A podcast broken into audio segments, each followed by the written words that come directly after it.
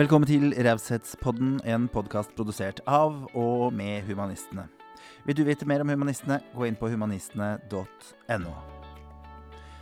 Gjesten i Raushetspodden i dag er tidligere basketballspiller, og som nå engasjerer seg i arbeid for ungdoms psykiske helse. Vi tar en snakk om hvordan det jobbes med de unge i dag, og hva som kan gjøres bedre. God fornøyelse.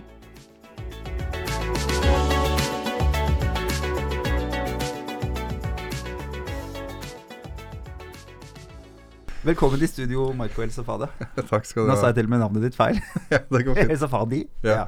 Um, endelig, i byen fikk jeg besøk av deg. Hadde jo, når jeg startet Raushetspodden, eh, deg liksom på lista sånn med en gang. Eh, så jeg syns det er veldig hyggelig å, å få deg inn. Det, det var hyggelig å høre at du hadde meg på lista med en gang. Da. Ja, jeg hadde det også. Jeg, skal jeg inviterer jo folk jeg syns er rause.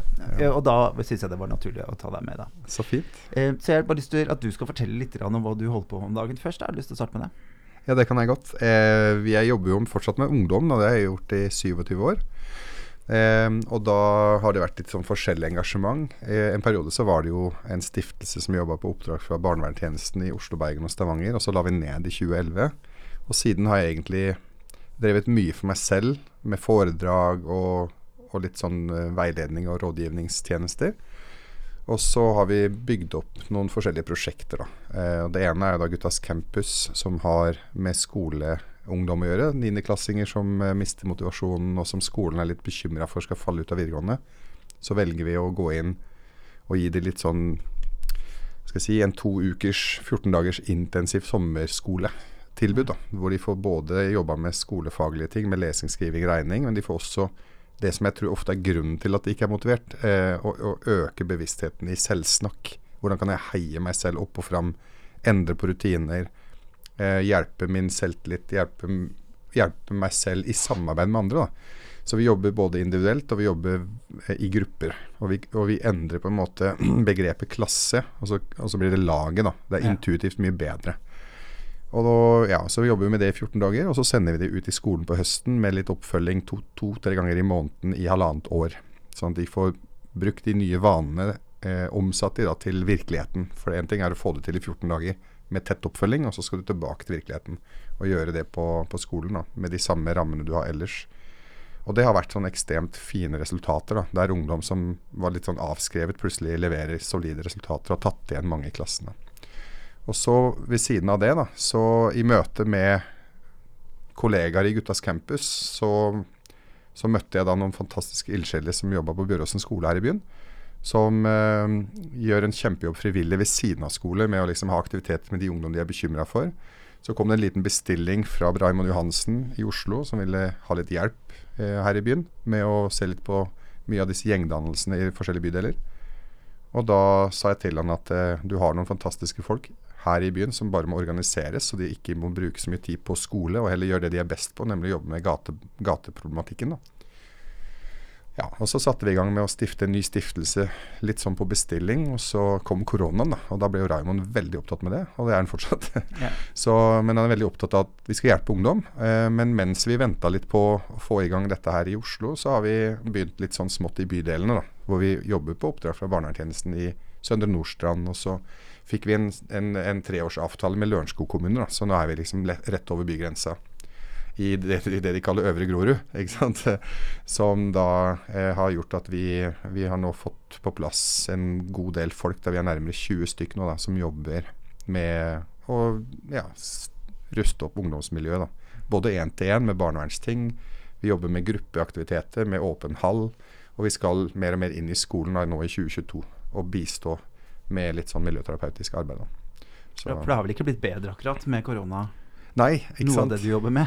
Det er akkurat det som er litt utfordringa. De som sleit før korona, Mm. eh, spesielt de som sleit med isolasjon og angst og den slags, det har nok bare økt. Og så har vi jo i tillegg da de som er urolige av andre grunner, da, som utagerer og som kan fort miste litt sånn kontroll over sinnet sitt og sånn. De har nok ikke fått det bedre. Nei. Mm. Du har drevet med eh, basket. Ja. En av Norges mestvinnende basketballspillere, Mm. har jeg googla meg fram til. Det er kult. ja. Du har vunnet mye priser. Ja. Du har vært uh, velsigna med mye folk som syns at den jobben du gjør, er, er bra. ja. Og jeg er jo i rekken av det. Um, du vant Årets forbilde tju- eh, 2006, Idrettsgallaen. Eh, og du fikk Åpenhetsprisen i 2007. Og jeg kan egentlig holde på veldig lenge, fordi det er veldig mye ting du har fått. Mm. Men jeg har litt lyst til å liksom starte med hvor er det det starta for deg? Hva er liksom Mm. din historie inni det her? Ja, nei, det, altså jeg er jo flyktning. Eh, opprinnelse fra Midtøsten. Vi er palestinske flyktninger. Og når vi kom til Norge i 1987, da var jeg ti år, eh, så hadde jo jeg eh, på lik linje med andre flyktninger opplevd et tap. ikke sant? For du mister jo et nettverk, du mister venner, du mister slektninger. Som du må bare på en måte Du må bare erkjenne det tapet ved at de voksne har bestemt det. da. Eh, og så starte helt på nytt. Nytt språk, ny kultur, nye koder, nytt nabolag. Altså alle inntrykk på nytt. da. Og det husker jeg fortsatt som veldig vanskelig. Eh, men samtidig så var det jo fint at jeg hadde tre søsken som var to, tre og fem år eldre, så vi hadde hverandre. da. Så jeg tenker veldig sånn på de stakkarene som kommer som enslige mindreårige. ikke sant? Ingen familie, ingenting. I tillegg til at de har et sånn økonomisk ansvar bærende over seg med at de må sende penger hjem så fort som mulig for å betale ned gjeld. Fordi ja, noen har jo gjerne investert alle pengene sine på å sende deg av gårde for å gi deg et bedre liv. ikke sant? Så er, Når jeg liksom hører de historiene, så blir jeg veldig full av beundring for de ungdommene som står oppreist, da, ikke sant? og som orker det. Men eh, for min del så, så, så blei det jo et veldig godt liv i Kragerø. Trygge, fantastiske lille Kragerø. Sant? Hvor jeg fikk mine venner og bygde opp et liv der da, eh, fram til jeg var 18 år. Og så, sant, så blir du så heldig da, at du havner i idretten som gir et, litt mening, og så kan du bruke tid på det og energi på det. Og så fikk jeg jo tilbud om eliteseriespill, så sånn så begynte mitt liv å utvikle seg etter videregående, hvor jeg da fikk eh, drive med basket i Eliteserien i til sammen 18 år, men liksom det var starten på også min karriere for det med ungdom. Fordi da jeg ble basketspiller, så ble jeg også baskettrener. ikke sant? Og som trener så møter du ungdommene som er litt yngre, men dette er da de organiserte ungdommene. Og la oss huske på Ja, de som er med ja, de som driver idrett, de har allerede liksom De er godt innafor. De aller fleste ungdommene vi jobber med i barnevernsfeltet sant, opp igjennom, det har jo ofte vært de som ikke driver med idrett. Og det er de som kanskje også har prøvd, men ikke får innpass. Og terskelen for for å drive organisert idrett er mye høyere enn folk tror. Spesielt for de som ikke har gode rammer hjemme. da. Men jeg hadde jo gode nok rammer til å liksom kunne være en del av det. Og så, og så ga det meg liksom en, en, et godt liv. Og så kom jeg til det punktet hvor jeg ble trener til yngre eh, ungdommer. Og faren til en av de jentene jeg trente i Kristiansand, han sa liksom at eh, på min skole trenger vi sånne forbilder som deg. Kan du komme og ta noen vikartimer? Det var liksom starten. da. Uten at jeg hadde en tanke om at jeg skulle jobbe med ungdom, så var jeg litt sånn Min vei var jo liksom ut i Europa og bli proff, eh, tjene penger på basket. Og så sier han dette når jeg var rundt 20 tenkte jeg ja, jeg kan ta en strøjobb imens. da, ikke sant? Så tok jeg noen vikartimer da, som, som assistent og vikarlærer i noen timer. Og så, men så, så var det måten han, måten han inkluderte meg på som var utrolig fint. Jeg har tenkt mange ganger på den, der, den der kraften i positive for, for, forventninger. Positiv forankring. Og det bruker jeg mye også i møte med ungdom. At liksom si at men du er smart, jeg tror på deg. Og bare putte inn sånne ord. Eh, når, når noen har vært frekke, og så istedenfor å kjefte, så sier jeg men jeg veit jo at du veit at ikke det er lurt å si sånn. Så ikke gjør det. Og så blir det sånn sånn Å ja, vet, å ja, ikke sant? Og så får du en helt annen forventning enn Nei, slutt å si det. Så det er noe med å bruke kraften i forventningene. Jeg forventer bedre av deg. Um, så kan jo det være litt sånn Pass på at ikke det blir for mye, for da blir det sånn gaper du for høyt. Men disse små forventningene. Og når jeg kom inn i dette lærerværelset, og når han skal presentere meg, denne pappaen til, til hun jenta, han het William, da. Så sier han liksom, han var inspektør, og sier han dette er Marco, han er treneren til min datter. Eh, og jeg har eh, gitt han vikartime her, for jeg tror at han kan hjelpe oss. For vi sliter med mange ungdommer. Og han er ekspert på å snakke med ungdom, sier han. Og jeg trodde han tulla, så jeg, jeg ser på han og tenker nå, nå, må, nå må vi begynne å le. Nå må folk begynne å le. Nå, dette ble mye, ja. Ja. ja, jeg er 20 år og driver med basket, liksom. Og så kommer jeg inn her som helt ufaglært og skal liksom bli ekspert i noe som helst. Så jeg, jeg, jeg, kjølte da, da kjente jeg at forventningene bare Nei, men det er ingen som tror på det. Men så går det ikke mange dagene før en og en lærer begynner å ta kontakt med meg og si at du, han er gutten fra Bosnia som er så sinna, kan du hjelpe meg med han? Eh, ok, la meg bare finne ut, liksom. Ja, hva skal jeg si, hva kan jeg gjøre, hvorfor er han så sint? Ja, Det kjenner han ikke, liksom. Jeg, og da skjønte jeg at nå må jeg i dialog med disse ungdommene. Så det var starten på min, kall det reise da, på å oppdage kraften i dialog. Og det å gå til kilden og eksperten selv. Og oppsøke den informasjonen vi egentlig lurer på. Istedenfor å snakke sammen i møter om hva som er løsninga. Snakk med de det gjelder. da. Så da, da, hadde jeg masse masse samtaler eh, i skolegården. Jeg brukte masse friminutt og storefri. Tok ofte med meg matpakka ut og spiste ute. Og Av og til så delte jeg med noen som ikke hadde mat. ikke? Så ble, fikk jeg en enorm relasjon. Så i løpet av det året da, så laga jeg noen mantraer som jeg tenkte disse må jeg huske for å få det til. Og den ene tror jeg, og den funker fortsatt. liksom, den første er jo at vi mennesker lytter bedre til mennesker de liker. Og det å liksom få en, få en ungdom til å skjønne at jeg vil deg vel, jeg heier på deg det gjør at da har de helt andre ører når de lytter. Da. Så det er liksom prinsipp nummer én. Og kommer de ikke i posisjon til det, åssen i huleste skal du drive undervisning som lærer? Ikke sant? Ja. Så det var for meg prinsippet. At jeg må forklare disse elevene at jeg er her for dere. Det er dere jeg gjør det for. Eh, og så er liksom det andre var jo at eh, hvis jeg skal stille krav til noen, så kan det aldri være høyere enn relasjonen tillater. Så jeg skjønte liksom at det er en ligning der, da. En matematisk ligning. Hvis jeg begynner å kreve noe for fort, for tidlig, i et forhold, det er som å dra på date, det å begynne å si til førstedaten at uh, jeg forventer det og det og det av deg, som kjæreste. Det er sånn OK, vi snakkes.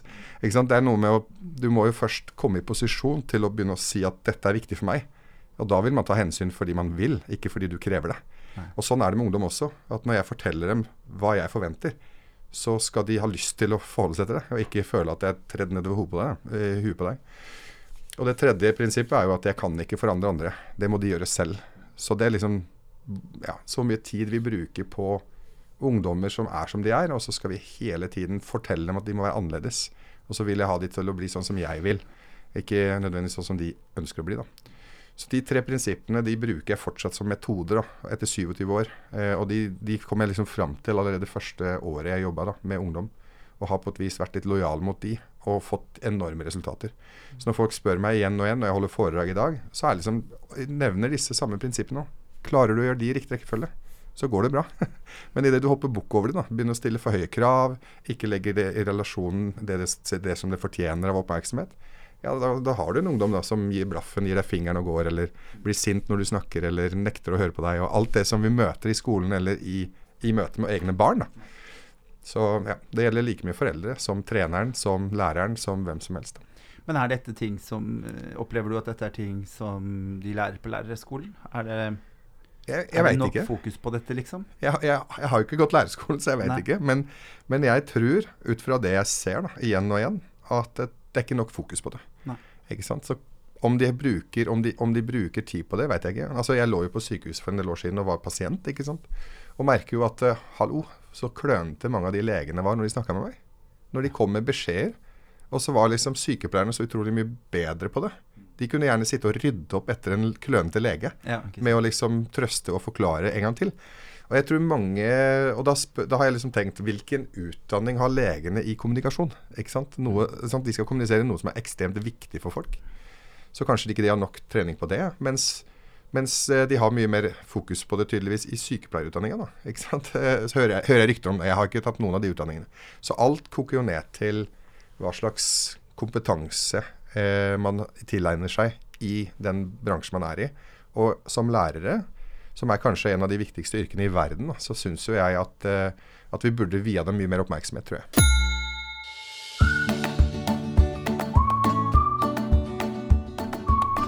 Visste du at mottoet til humanistene er 'et rausere samfunn'?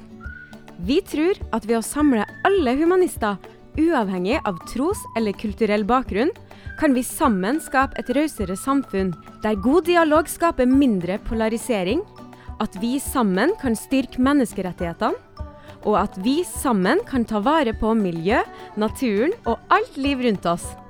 Du kan enkelt bli medlem i dag ved å gå inn på våre nettsider humanistene.no.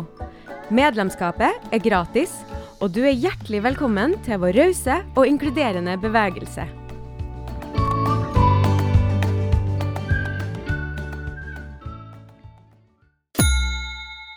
Du har gått ut og sagt at nå er det gutta sin tur. ja. ja. ja det, jeg, det, klinger veldig fint i ørene mine. da. Jeg ser jo på en måte at, at uh, um, ja, gutta faller litt utenfor. Og jeg har liksom tenkt at har gutta egentlig ligget foran? har jeg gått og tenkt mye på. Det har jo på en måte vært et samfunn som er skapt rundt å holde mannen der han er. ikke sant? Hvis vi holder kvinnen nede, så får mannen gjøre som han vil. Ja, ja, ja, ja. Men har vi noen gang hatt det overtaket?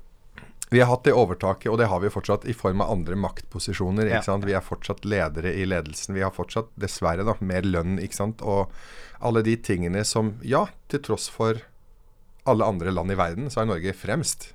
Fint. Men vi har fortsatt en vei å gå. Ja. Og vi kan liksom ikke si at nå kan vi fjerne 8. mars og kvinnedagen, fordi at nå, har, nå er det likestilt. Men, men når det kommer til visse ting, og det må vi på en måte ikke kimse av, så er, så er det kvinnene som på en måte har lederrollen. ikke sant? Og når man ser på barnefordelingssaker i barnevernstjenesten, så er det fortsatt en sånn gammel en sånn gamleskolen tankegang om at mor er bedre enn far for barnet. Ja. ikke sant? Og, det, og du ser på barnefordelingssaker at det fortsatt er sånn type jeg vet ikke hvor nøyaktig tallene nå, men jeg leste denne gangen det var 75-80 til, til mor og 20-25 til far. Um, så det, det er en del holdninger eh, som må endres i et stort system. Eh, det, det var ikke lenge siden de, de endra navnet eh, fra mammaperm til foreldreperm. ikke sant? Så det var en sånn Det har nok vært en sånn overvekt av kvinnefordeler på visse områder, mens mannen har dominert på andre. Når det kommer til skole da, og utdanning, så er det faktisk sånn at det er 61% jenter som tar høyere utdanning. Ja, det er 39% gutter. Nå, vi nærmer oss liksom en tredjedel og to tredjedeler. Ja. Og det er helt sinnssyke tall. Så vi må liksom se litt opp. Og når vi ser på skolegjennomføring, så, så er jentene jevnt over mye bedre enn gutta. Og det er strukturelle ting. ikke sant? Disse tingene er farlige, fordi jeg har to døtre og en sønn. Jeg vil jo at de skal ha like muligheter, eh, men jeg vet at når det kommer til skole, så vil sønnen min, som kanskje i snitt har mer energi og mer uro i kroppen og mer bobler over, og blir stadig bedt om å sitte i ro, så vil det skape en, en større konflikt og uro i han enn det vil hvis man kan klare å sitte i ro. Det gjelder jo både gutter og jenter. Så, sånn at det, vi må se på den strukturelle skolesammensetninga og det derre mer og mer akademiske, teoretiske som det har blitt. da, Som gjør at veldig mange av de håndverker, praktiske eh, yrkene, de blir mer og mer teoretisert. Det kreves mye høyere snitt da, for å klare å gjennomføre. Hvor man før kunne bare liksom gå rett, nesten rett ut i arbeid til 9. klasse, eh, som nå er 10. klasse, og bli praktiske ansatte. Da? Du kunne bli journalist før ved å gå ut og skrive. Og så skrev du lenge nok til en avis, og så ble du journalist. Sant? Og det, det kan man ikke lenger. Nå må du ha en, helst en mastergrad hvis du skal få en, en, en toppjobb eller en god jobb. Da. Så det er, det er noe med det akademiske kunnskapssamfunnet vi har blitt, som gjør at mange gutta sliter. Har vi mista noe liksom på den veien der, tenker du? Nei, altså Det er jo en positiv utvikling, for du hever og hever og hever kompetansenivået. på disse. det stopper, liksom? Ja, det kan du spørre om. ikke Ja. sant? Nå er det mange som blir ferdig med en master og tenker er det godt nok? ikke sant? Det er skummelt. Hvis du liksom ikke Ja, for det finnes jo mye mastere som sitter og ikke får noe jobb. Ja, Ja. Det, er, det er blitt det. Og da kan man liksom Og, og jo, mer du, altså jo lenger du har jobba, jo mer skjønner du at eh, ja, det handler jo også om erfaring. For på et eller annet punkt så sier jeg men du har ikke erfaring. Ja, men for svarte, åssen skal jeg få erfaring? Jeg har brukt masse tid på utdanning. Og nå har jeg gjeld, og nå må jeg betale tilbake. Nei, altså, så det er, Vi må liksom se litt opp, spesielt for de gutta da, som eh, ikke har lyst på høyere utdanning. De har lyst til å jobbe. ikke sant? Hvor, eh, hvor får de jobben sin? Hvor kan de gå i gang eh, når de er klare og de er motivert for det? Så det ser vi jo at eh, når vi jobber med disse ungdommene våre, at eh, å få de i en, inn i et dagtilbud er det viktigste. Ok, de vil ikke gå på skole, de får det ikke til. Men la oss finne et dagtilbud. Få de, få de opp om morgenen. da. Få de til å gjøre noe. Føle at de produserer noe og bidrar til samfunnet.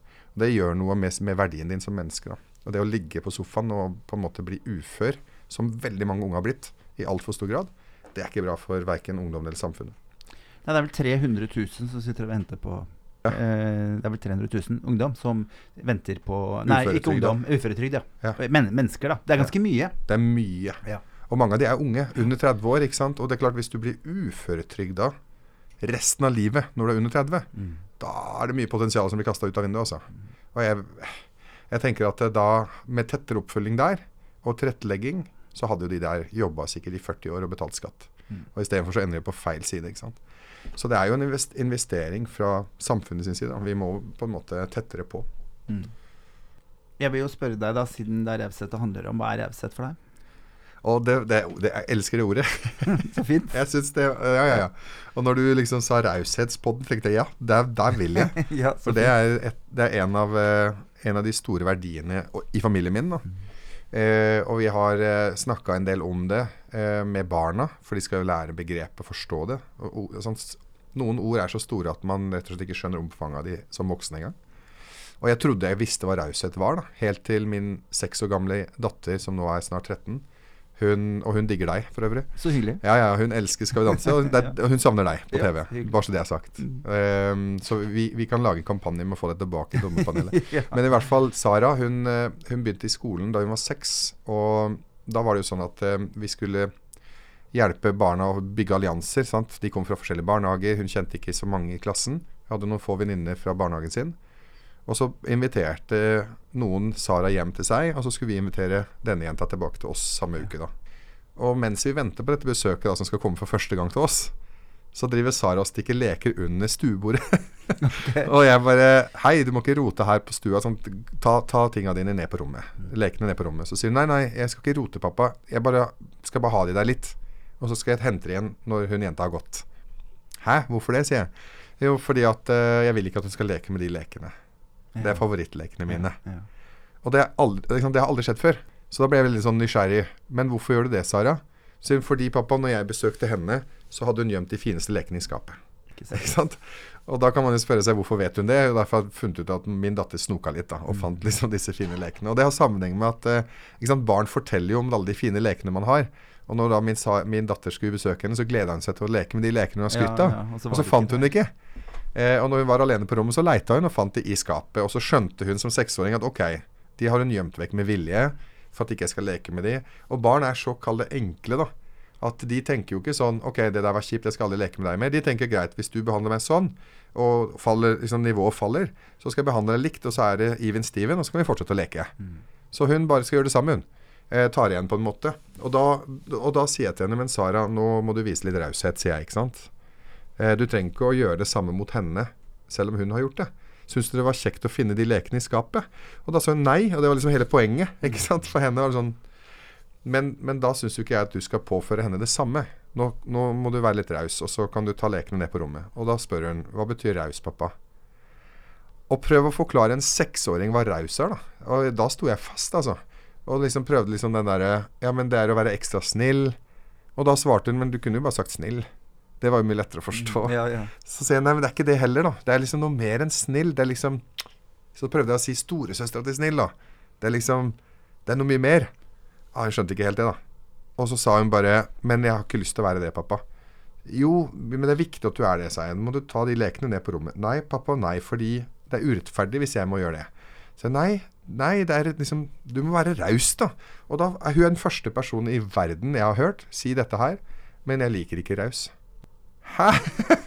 og da følte jeg meg mislykka. Ja. Altså som pappa og i kommunikasjon. Æsj, eh, da har ikke jeg forklart raushet godt nok, tenkte jeg. Helsike. Og til slutt så bare ble jeg liksom streng. Så jeg, Sara, det bestemmer pappa. Hvis vi skal ha besøk, så må vi behandle de ordentlig. De lekene skal ned på rommet ditt. Hun tar lekene ned på rommet sitt mens hun gråter. Og mens hun går ned trappa, så tenker jeg sånn Å, dæven. Hva har jeg? Hvor mye lærte hun av denne episoden? ikke sant? Det er jo null raushet her. Hun bare gråter og er i motstand. Og etterpå så, så fortsetter jo samtalen. Og det som er så fint med barn, de har ikke glemt det. De er ikke ferdig med det. Vi fortsetter samtalen om raushet de neste månedene for å prøve å definere det. Og vi bruker god tid hver gang, og det tok tid, altså. Men det, vi, det, jeg, lær, det jeg lærte, istedenfor hva jeg lærte henne, da, det jeg lærte, var jo at hun hadde rett. Raushet er jo per definisjon urettferdig. Fordi det jeg prøver å si med raushet, er hev deg over hennes småligheter. Hun var kjip, men du er snill tilbake. Det er jo raust. Som igjen betyr da at jeg forventer mer av deg, så du må ta regninga. Du må svelge kamelen og være bedre i retur. Så for meg er raushet faktisk noe som er litt krevende. Du må konsentrere deg om å være det når du kanskje ikke har lyst. Så, så de neste månedene så dreier samtalen seg om raushet, og da er det dette vi kommer fram til. Fordi hver gang vi hadde en anledning, så tok jeg det opp igjen og sa ja, dette er jo også en måte å være raus på. Da kunne hun oppsummere, da. Og dette er bare et eksempel. Når vi satt og spiste kjøttkaker, så tar jeg tyttebærsyltetøyet, ser at det er lite igjen, og så vet jeg at Solveig er veldig glad i det, så jeg setter det tilbake. Og akkurat da var Solveig på badet. Hun skulle da ned og opp igjen med, med å skifte en bleie. Så ser Sara på seks år dette her, da. Det er noen få uker etterpå. Så sier hun 'Hadde du ikke lyst på syltetøy, pappa?' Så sier jeg til henne 'Jo da, jeg hadde jo det, men eh, jeg så at det ikke var så mye igjen', og jeg veit at Solveig er veldig glad i det. Og så la jeg til så, så det er også en måte å være raus på, da. Det er å gi bort noe du har lyst på sjøl, fordi du blir så glad for at andre får det. Å ja. Så måtte hun tenke litt, og så sa hun men pappa, har ikke du sagt at familie deler? For det er også en verdi vi jobber med, ikke sant. Så blir du arrestert på Du den. blir møtt på alle Ja, ja. kanter her, da. Ja. Og det er så deilig. Så bra, ja. Ja, ja, og da ser du at det, det tikker inn, da. Mm. Og da sier jeg til henne du, det var veldig godt sagt, Sara. Eh, høy sånn stjerne til deg. Jeg kunne ha tatt halvparten av syltetøyet og gitt halvparten til Solveig, og det hadde vært fint å gjøre. Men jeg velger å gi henne, kall det min halvparten, da. Så hun får alt. Så måtte hun tenke litt til. Og så sier hun men pappa, betyr det at når vi er rause, så er vi slemme mot oss sjøl, da? og det er sånn ah, Det er jo ikke det jeg har lyst til å si høyt, men det er litt, litt sånn det er, da. Du skal ta regninga. Da er du litt sånn Fordi jeg velger å kalle det å være slem mot meg selv, da. Det er sånn hun forsto det, da. Så, så har hun seinere kommet og sagt Betyr det, pappa, at vi er rause når når vi er snille mot folk som ikke fortjener det? Ikke sant? Sånne refleksjoner da som har gitt meg sånn Aha, det er jo det det er. Men vi sier jo ikke det høyt. Vi bare forventer at vi hever oss over, sier vi hele tiden. Ja, men det betyr i praksis du er snill mot folk som har vært kjipe. Per definisjon, de fortjener ikke. De hadde fortjent likebehandling. Men jeg velger å la være, for jeg skal heve meg over. En nabo som ikke hilser, så lar jeg være å hilse, for jeg orker ikke å bli avvist. Ja, da har vi falt ned på deres nivå, per definisjon. Raushet betyr jo da at jeg hilser på deg, selv om du ikke hilser tilbake, fordi naboer hilser. Den standarden velger jeg, da. Ja. Så jeg hever meg over. Og så får du sjansen til å si hei hver gang, og jeg nekter å falle ned på ditt nivå. Ikke sant? Da har du klart å opp... Da er du raus, men fy søren så krevende det er. Så det er liksom, for meg så er det veldig lett å si 'vær raus', men det krever at du hele tiden går foran som eksempel, sverdige kameler, hever deg over småligheter og fortsetter å være bra når andre drar deg ned. Det er krevende. Det er ganske krevende. Mm. Jeg, neste spørsmål mitt skal være hva skal vi gjøre for å gjøre verden rausere? Ja. Um, for det er jeg jo Ja, det var jo derfor vi ville ha denne podden. Fordi Mm. det er så fint å kunne gi noen sånne små Tips. tips, ja. Ja. Liksom, sånn der, Hvordan kan man begynne? Og det er litt interessant hva forskjellige folk ser på som, som realisert, for det første. da Ja. Um, Men hvis, hvis jeg skulle liksom gjort noe i morgen Ja. uh, Hilse på naboen. Ja. Uh, ja. Og- du noe og- mer? Og ikke sant, på en måte så er det å hilse på en nabo som alltid hilser tilbake og smiler, det er ikke raust. Det er bare snilt. Ja. Hvis du skjønner, da. Ja. Jeg oppgraderer Ja, for det er en forskjell mellom snill og raus. Jeg føler jo at Ja. snill er bra, og raus er bedre. Mm. Ikke sant? Da er du virkelig Da har du steppa opp to hakk, da. Mm. Storesøsteren til, til snill. Fordi han naboen som alltid smiler og hilser, han koster det ingenting å hilse på. Ikke sant? Det gjør vi alle. Men hva med han eller hun som står med den postkassa da, og alltid er sur i trynet, og aldri hilser? Jeg tenker jo sånn, Da kan du velge. Enten så kikker du ut nøkkelhullet og tenker ja, jeg venter to minutter med å hente posten, så slipper jeg. ikke sant? Eller så går jeg ut der og tenker jeg skal ha en raus nabo.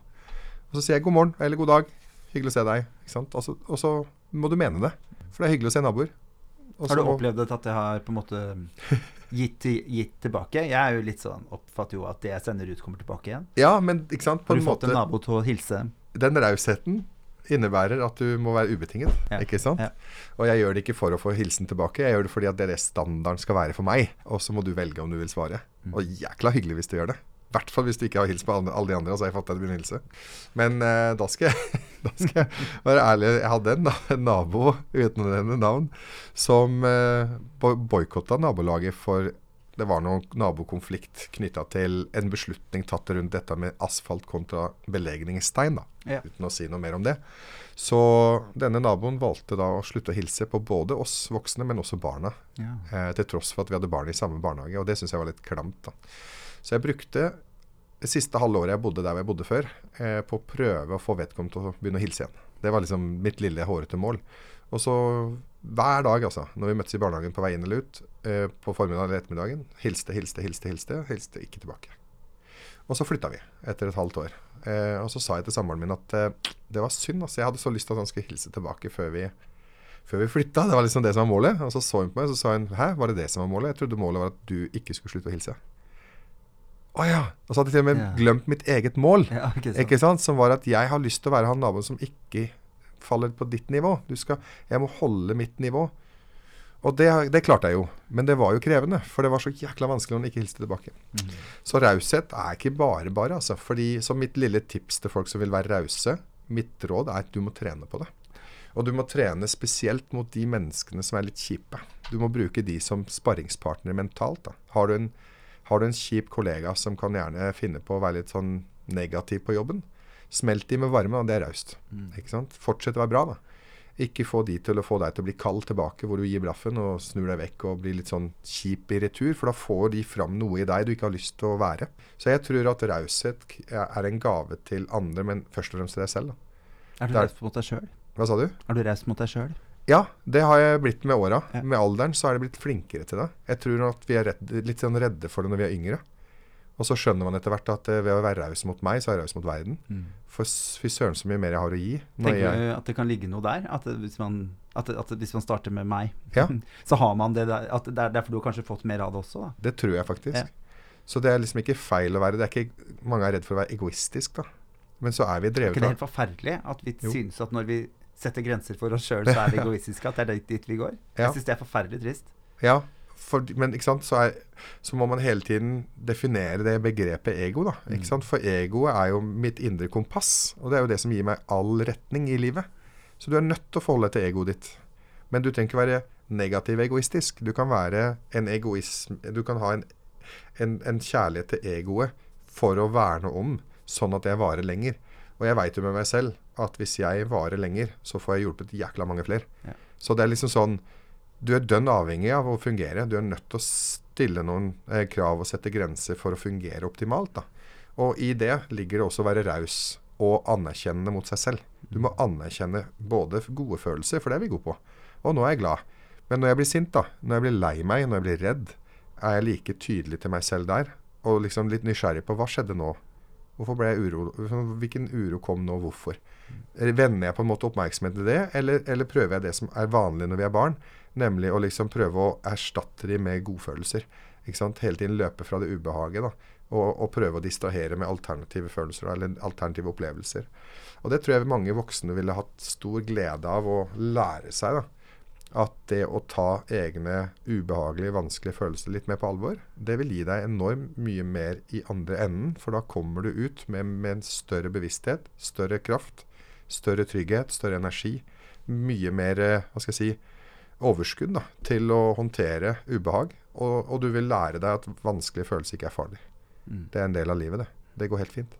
Du klarte å komme og overkomme det syv ganger tidligere. Du kommer til å klare det den åttende gangen også. Ja. Du møter ikke uroen med å løpe, du møter den med å møte den. Og så blir uroen ofte mye mindre når du har faca den, da, enn hvis du prøver å løpe fra den. Så det er utrolig interessant hvordan jeg merker at uh, når ting er vanskelig, så, er, så, så ønsker jeg det litt mer velkommen nå da, enn jeg gjorde før. Hvor jeg liksom var mer opptatt av å ikke ha det vanskelig. Det er om å gjøre å ha det bra hele tiden. Da. Det er ikke naturlig. Nei, det er jo ikke naturlig. Da legger man jo ikke merke til det gode. Det er. Ikke sant? Du setter ikke pris på det like mye da. Så. Du er jo et forbilde for mange, og det veit jeg er vanskelig å skulle forholde seg til. Eh, For mange er det det. Ja. Men hvem er, ditt, hvem er dine forbilder? For man må jo ha noe å strekke seg etter òg. Ja, vet du hva? Jeg har mange forbilder. Mange. Fordi det, liksom, det er så mange forbilder i forskjellige ting, da. Hva er, forbilder har du jo gjerne ofte i forbindelse med forskjellige ting du ønsker å bli som, eller ønsker å oppnå, eller bare få lov å beundre. Da. Eh, og sånn, sånn rent faglig, når man tanke, snakker med, om, om ungdommer, da? Så, så har jeg en stor beundring for veldig mange av mine ansatte. Som står i tøffe situasjoner daglig. Det kan være de nyansatte som liksom virkelig bretter opp ermene og jobber for å, nå, oppnå, for å få til en krise med en ungdom. Så, så jeg merker at når jeg ser på alle de sakene de står i, og har jobba liksom helga gjennom med, med utrykning og bistått i akutte situasjoner, så kan jeg virkelig beundre de for det. For jeg veit hva det koster. da. Så har jeg enorm beundring for mine to ledere i Unify. Og så har jeg kjempebeundring for lederen i barnevernstjenesten i, i Lørenskog, som heter Cecilie. Som for meg er en av de fremste innen faget. da. Virkelig den klokeste. Og så kan man liksom På kommunenivå da, ikke sant, så ser jeg at Lørenskog kommune er forbilledlig for hvordan de organiserer satsingen på ungdom, som alle snakker om, men som ingen virkelig gjør. da. Hvor oppvekstsjefen er i tett dialog med skolesjef, barnehagesjef, politikerne. De koordinerer liksom alle på parketten til å snakke sammen. De har faste møter mellom politi, barnevern, utekontakt. Alle de som, liksom, Ungdomsklubben, til og med fotballklubben. De involverer alle som har en aksje i det å jobbe med ungdom, og så snakker de sammen.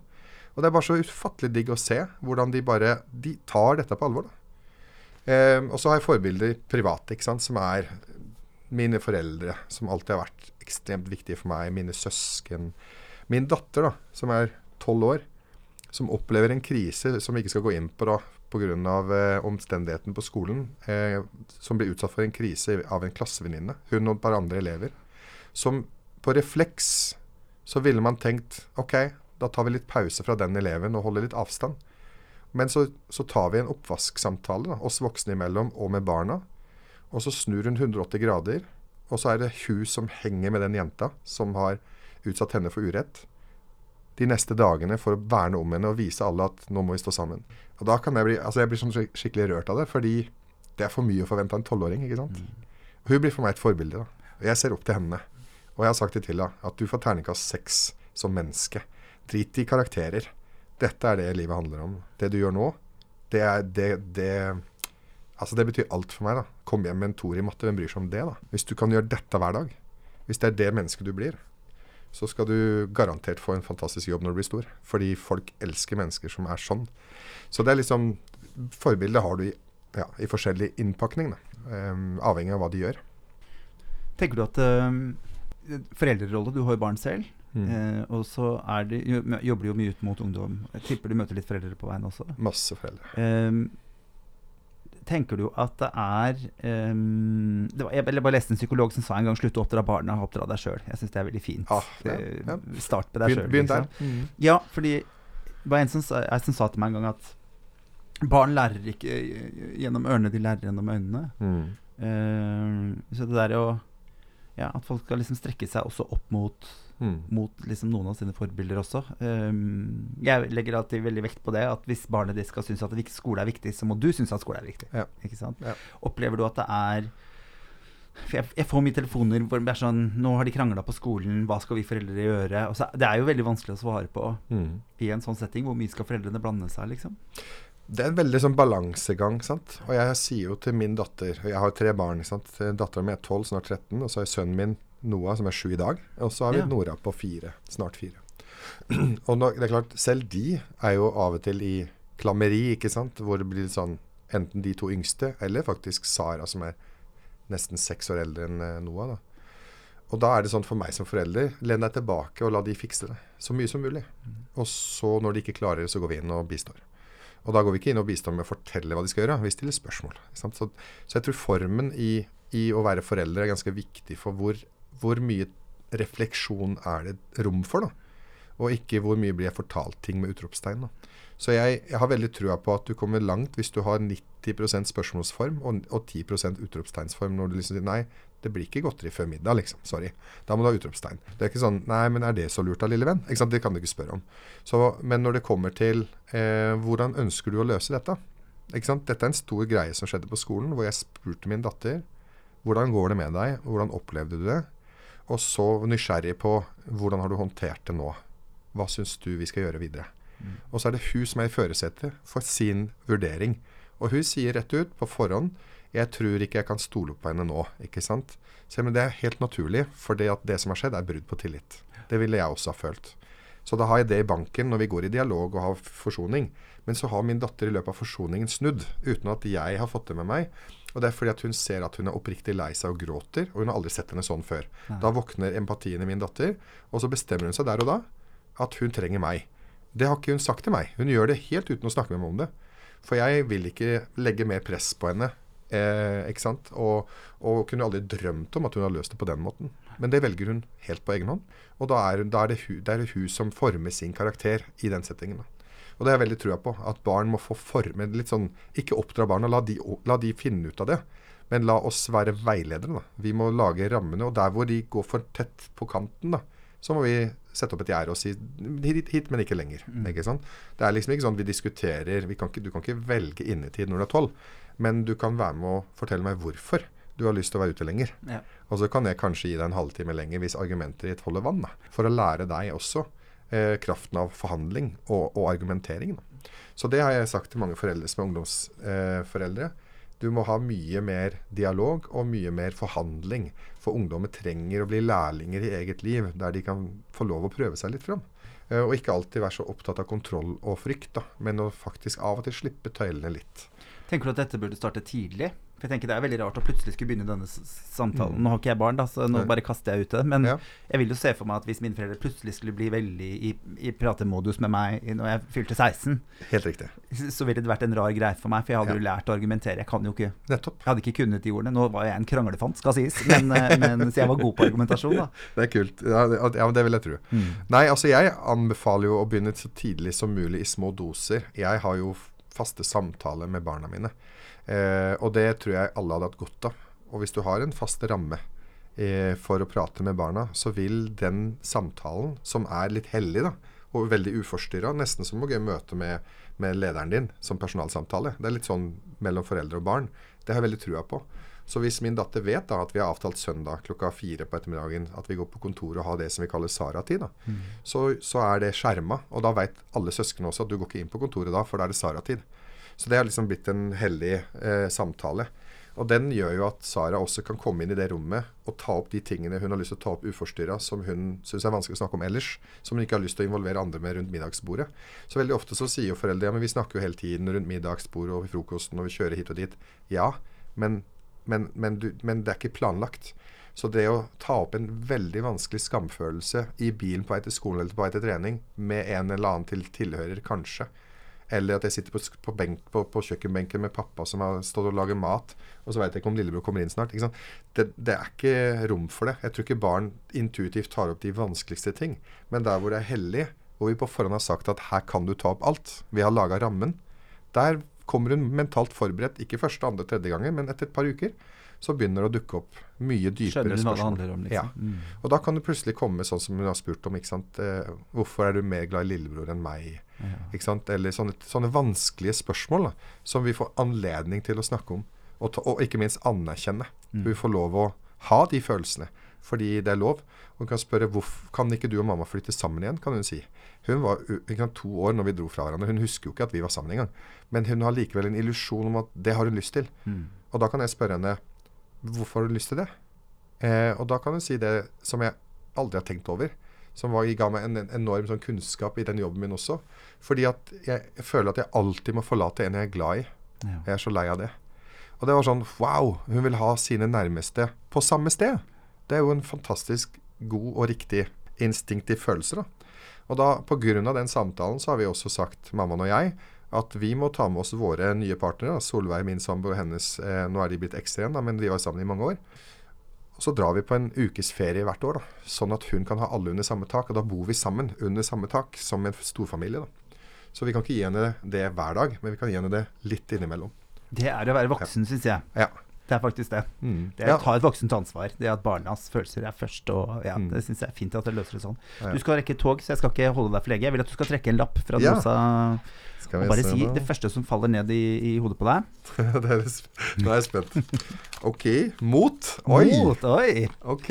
Ja, Altså, det første som faller meg inn, er jo den fantastiske organisasjonen som heter Mot. som heter Ja, Mot, ja. som jeg har vært ambassadør for i mange år, og som jeg elsker, som gjør en kjempejobb for ungdommer i ganske mange kommuner, mange hundre kommuner i Norge.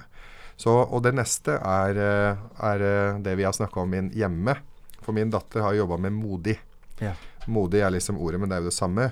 Og, og hun har liksom kommet fram til det på egen hånd, at du kan jo aldri bli modig uten å være redd.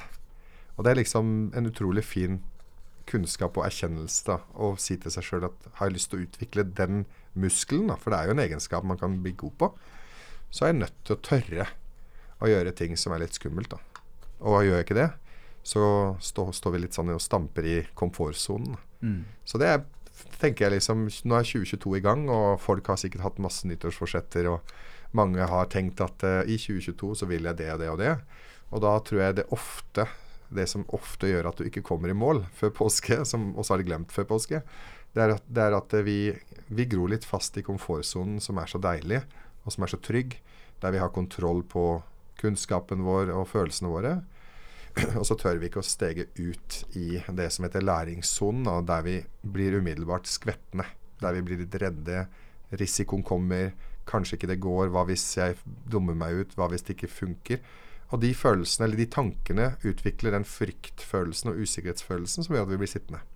Så, så jeg tror mot er den gaven du gir deg selv hvis du trener på den, så vil du få et liv som er mye mer krydra med spenning. Da. Du vil oftere tenke at ja, ja, men det der var litt Ja, det var, no, mm, det, det var spennende.